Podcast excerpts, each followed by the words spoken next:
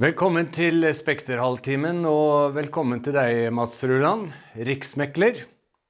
Tusen takk. Det er lenge siden det het Riksmeklingsmannen, er det det?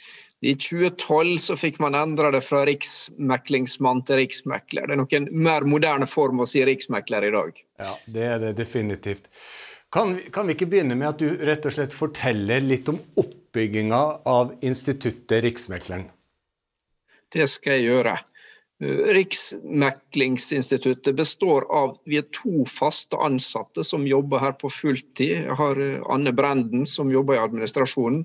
Og Anne har jobba her siden Reidar Webster var riksmekler. Så det, det, er ikke mye hun ikke har opplevd.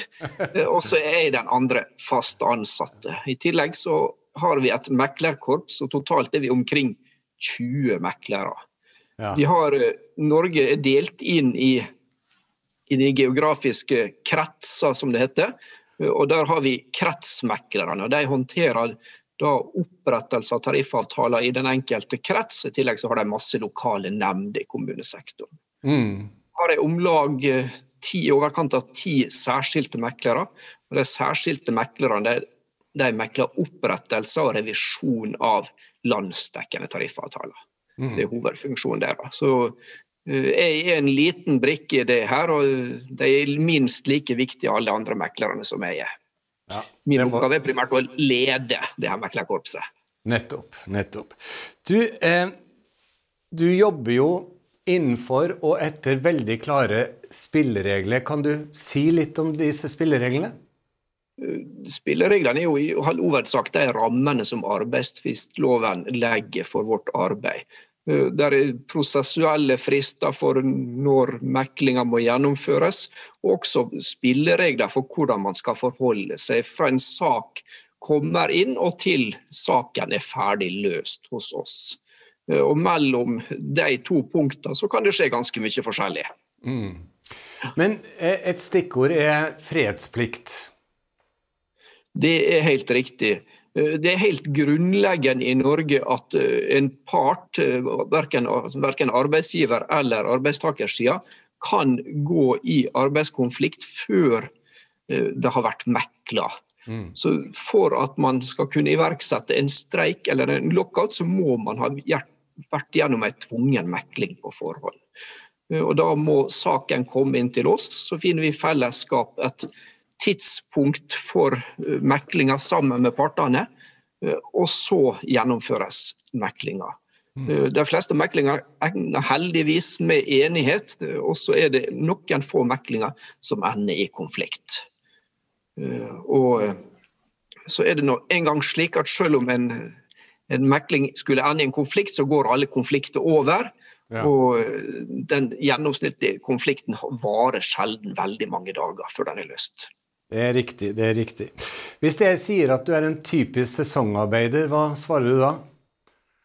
Ja, Det er en sannhet med modifikasjoner. Vi har nok en høysesong i hvert fall.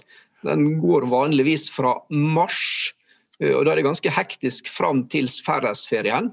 Så er det stille her i juli, da får vi ferie. Det ønsker også partene i arbeidslivet. Og så er det en ganske hektisk periode fra midten av august cirka, og fram til november. Mm. Og så er det i tillegg ei og anna mekling i perioden fra november og fram til neste oppgjør. Der kommer ofte ei eller annen sak imellom den perioden. Og Det er nok en tendens, eh, særlig de siste ti åra, at eh, mer og mer, flere og flere av meklingene nå går gjennom hele året. Ja. Men hovedsesongen er på våren. og Det er derfor man kaller det vårens vakreste eventyr. er du enig i det? Betegnelsen? Ja, det, det, det, er jo et høydepunkt for vår del, og det, ja. det, er ganske spennende det som skjer da. Så det er helt enig. Det er en, en god beskrivelse. Ja. Mats Ruland, det, er sikkert veldig vanskelig å sammenligne én mekling med en annen, men, men, kan du beskrive, gjøre et forsøk på å fortelle oss hvordan er atmosfæren i disse intense timene, døgnene? Det skal jeg forsøke å beskrive. Det er ganske mye spenning rundt ei mekling. Det er mye som står på spill. og klart, det her Utfallet av meklinga har stor betydning for de som er berørt. og Det kan være store grupper i samfunnet. Eh, det må sies, Partene i det norske arbeidslivet både på arbeidstaker- og arbeidsgiversida er veldig profesjonelle. De som kommer hit og deltar i mekling, i hvert fall eh, forhandlingslederne og fra de sentrale partene, de er profesjonelle. De har vært med på det her mange ganger, og det er jobben deres. Så de er veldig dyktige. Og så har de gjerne med seg eh, representanter fra bedriftene, både på arbeidsgiver- og arbeidstakersida, og de trenger ikke nødvendigvis å ha vært med så mange ganger. Noen, mange har ikke vært der før også, så det blir ny opplevelse for dem. Og Det er mye som står på spill, det er verdier som skal fordeles. og uh, Begge partene har jo gjerne et ønska resultat, som uh, kan være mer eller mindre realistisk å oppnå. Og Så skal man gjennom meklinga forsøke å få de her partene til å enes. og Da kan det være ganske mye spenning rundt det her. Altså, der, er, det er litt nerve i meklinga, men den er i stor grad likevel prega av saklighet, nøkternhet og veldig høy grad av profesjonalitet. Mm. Det, det, er flinke parter som, som mekler i Norge. Det, det, noe, det, blir ikke personlig. Øh, man klarer å holde seg til sak. Ja, det klarer man. Det kan bli høy temperatur, man kan være saklig uenig og diskusjonene kan bli, kan bli heftige, men det, det, er en saklig og profesjonell tone gjennom meklinga gjennomgående. Mm. Hva er den viktige Ja, unnskyld. Fortsett. Eh, og så er det jo, I og med at det er såpass mye alvor rundt det her, så er det nødvendig med litt humor underveis også, for å lette på stemninga. Slik at ikke alt blir gravalvorlig. Ja. Det var vel tidligere utenriksminister Thorvald Stoltenberg som bestandig serverte karameller, var det ikke det? Har du noen sånne triks? Ja, vi har nok en triks som vi prøver. og uh, klart Jeg har servert godteri til partene, det har jeg testa sjøl. Uh, eh, vi, vi kan ha tatt vitser innimellom eller fortelle noen gode historier i, i en og annen pause. Vi har, vi har testa quiz. Det blir mer quiz på nerdenivå, egentlig, for spesielt interesserte. men uh, noen slike grep må du kunne gjøre av og til for å Lette på stemningen, lette, lette ja. på stemningen, lette på trykket. Hva, hva, hvis du skal fortelle det selv, hva er din viktigste egenskap for å være en god riksmekler? Den viktigste egenskapen er nok å ha en plan på hvordan du skal gjennomføre meklinga, og hvordan du kan lede partene gjennom meklinga. Det handler veldig mye om prosessledelse. I tillegg, Noe av det viktigste er å rekruttere et godt meklerkorps som kan bistå med, med å få gjennomført lønnsoppgjøret på en mest mulig hensiktsmessig og god måte. Mm. Det er kanskje det aller viktigste egenskapene en riksmekler har. Og lytte, kanskje? Eh, klart være, Det er viktig å lytte. Du må ta du må ta partene sine krav på alvor, forberede deg godt og sette deg inn ja. i hva meklinga handler om, så du forstår hva som mekles. Det er viktig å stille krav til partene og sørge for også fremdrift underveis i meklinga. Det er fort gjort at part av taktiske grunner sitter og holder igjen eh, posisjonene sine, for ingen ønsker å bevege seg først. og Da må vi prøve å få til bevegelse underveis i meklinga. Så det er jo slike oppgaver som vi har. Mm. Eh, og så er det ikke kommunen at det er partene som har et ansvar samtidig å løse meklinga. Det er ikke noe riksmekler kan gjøre for deg. Nei. Eh, du ga meg et stikkord nå. Kan du si litt nærmere Mats, om, hvordan du forbereder deg foran en mekling? I forkant av alle meklingene så tar jeg kontakt med partene. Eh, jeg ber om å få tilsendt den relevante informasjonen til meklinga. Og jeg ber også om å få en beskrivelse av partene om hva de anser som de viktigste punktene i, i meklinga. Jeg ber om å få en oversikt over kravene. Jeg vil gjerne ha en begrunnelse for kravene som partene har også. Mm. Eh, og deres egen vurdering av hva som er de mest problematiske punktene. Eh, jeg pleier å informere dem om en, tids, en foreløpig tidsplan for meklinga. Den kan vi jo endre på hvis partene har behov for det. Eh, så jeg gjør, gjør, alltid slike grep. Og I større meklinger så har vi alltid forberedende møter også på hvordan vi skal legge opp meklinga praktisk. Mm. Og så ber jeg om å få eventuell annen relevant informasjon som vi ikke kjenner til som partene har, som kan gjøre oss bedre i stand til å sette oss inn i de problemstillingene som kommer i meklinga. For, for, meg som da er ut, utenforstående, er det, er det ikke mulig å gjennomføre en mekling innen tidsfristen? Jo, det er mulig å gjennomføre. og I 2020-oppgjøret har vi gjennomført veldig mange meklinger innen eh, tidsfristen. Eh, det er ulike grunner til at meklingene går utover tidsfristen. Det er nok dessverre ganske mange meklinger som gjør det. Og Noen ganger så skyldes det taktiske vurderinger fra partene. Man ønsker ikke å gi seg, man, prøver, man står løpet ut så lenge man kan. Man bruker tida på å teste motparten. Andre ganger så skyldes det her utelukkende at det er såpass komplekst og det er så mange temaer som er brakt inn i meklinga, at man trenger all den tida man man har til å få løst det her. Mm. Men er det feil å spørre om eh, Ligger det også noe prestisje her?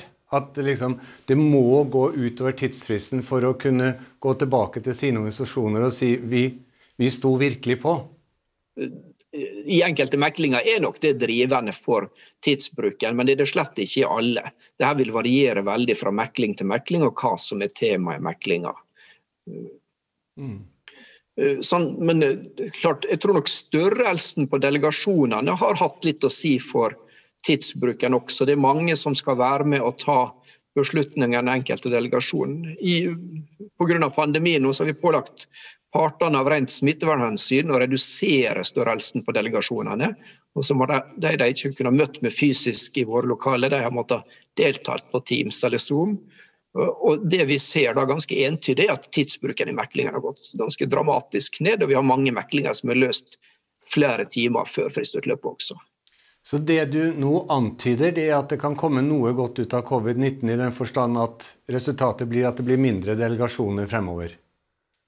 Ja, det tenker jeg det må vi se an. Jeg har nok et inntrykk at partene nok ønsker å stille med fulle delegasjoner, at det har vært vanskelig for dem. Kan, kan, du bare antyde hvor mange, hvor mange er det snakk om at de kommer med opp til deg? Det varierer helt fra mekling til mekling. I ja. store meklinger kan det være mange hundre personer til stede i, her i grensen 3, mens i de minste meklingene kan det bare være noen få personer til stede. Akkurat.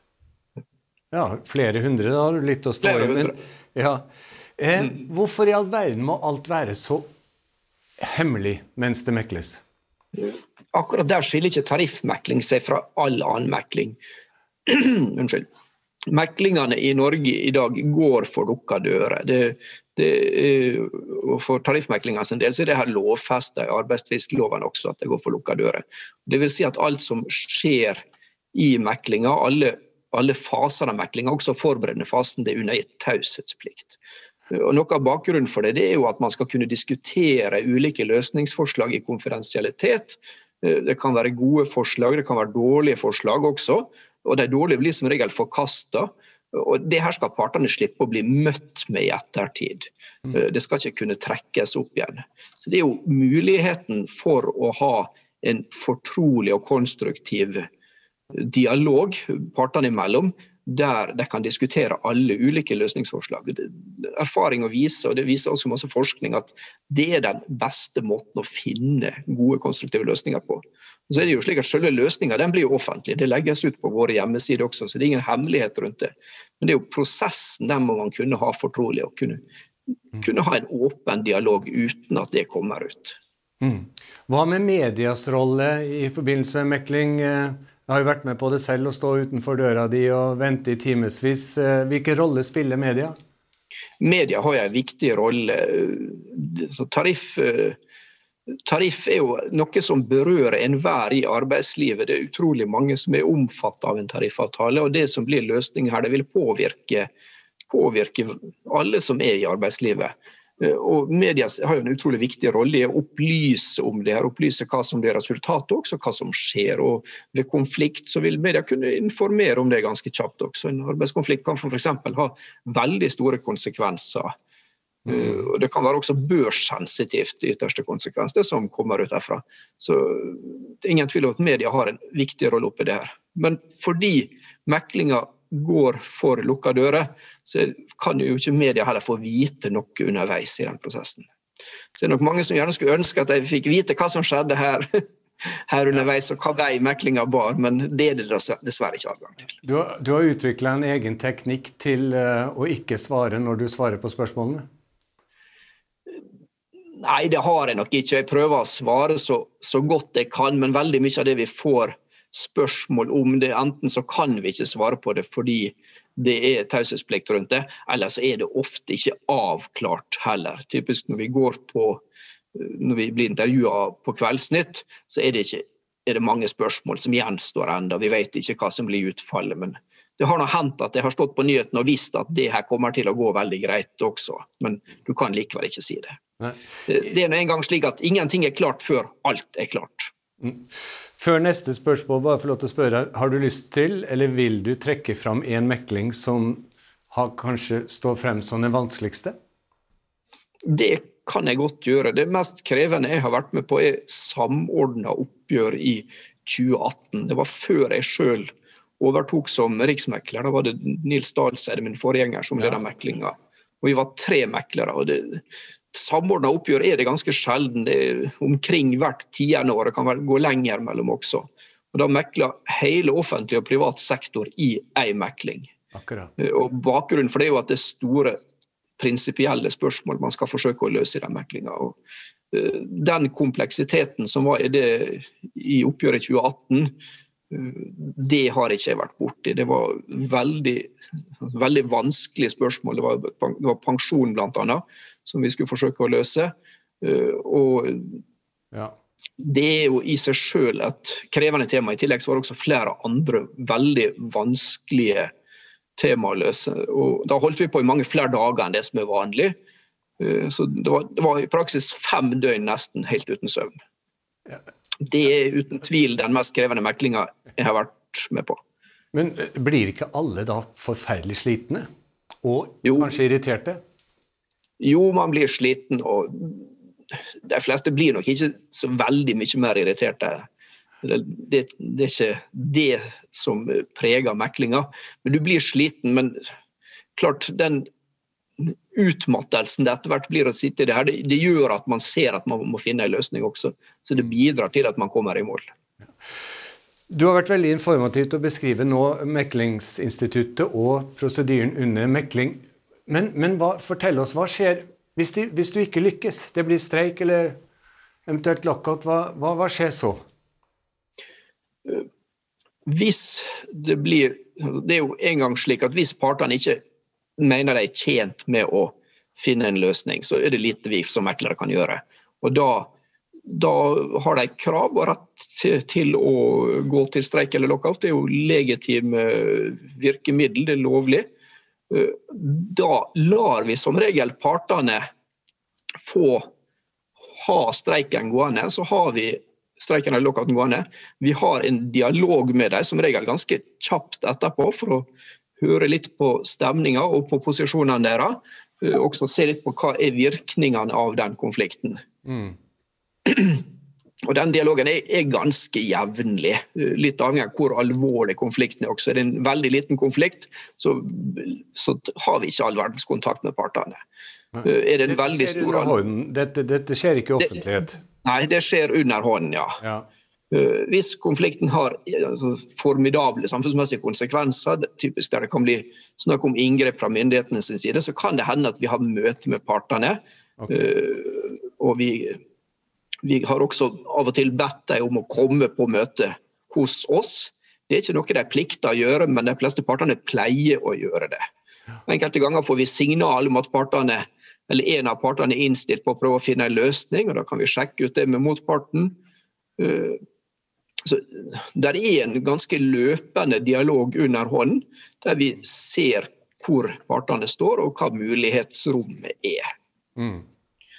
Eh, og Hvis vi ser at det er betydelig fare for, for inngrep fra myndighetene pga. fare for liv og helse, så hender det av og til at vi presser partene litt også for å få dem inn igjen og for å få i gang dialogen igjen.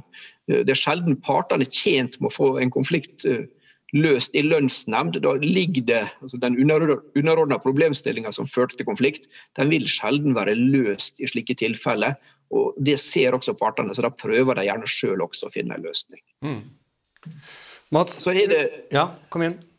Eh, Etter 30 dager, eller når streiken har pågått en måned, da er det tvungen meklingen. Da må partene møte. Mm.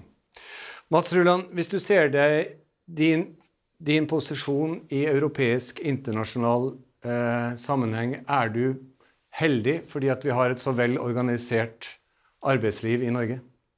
Ja, jeg er heldig. Det er nok ingen av mine kollegaer i Europa som har et så velfungerende system som det vi har i Norge. Det er vel kun de skandinaviske landene som har sammenlignbare system. Men det samarbeidet man, man har i Norge mellom arbeidsgiversida og arbeidstakersida, det er helt unikt. Det har man i praksis ikke i noen andre land omtrent. Eh, og det har gjort landet godt. Det er det ingen tvil om. Mats Ruland, riksmekler, tusen takk for at du kom til Spekterhalvtimen. Takk for at vi fikk komme.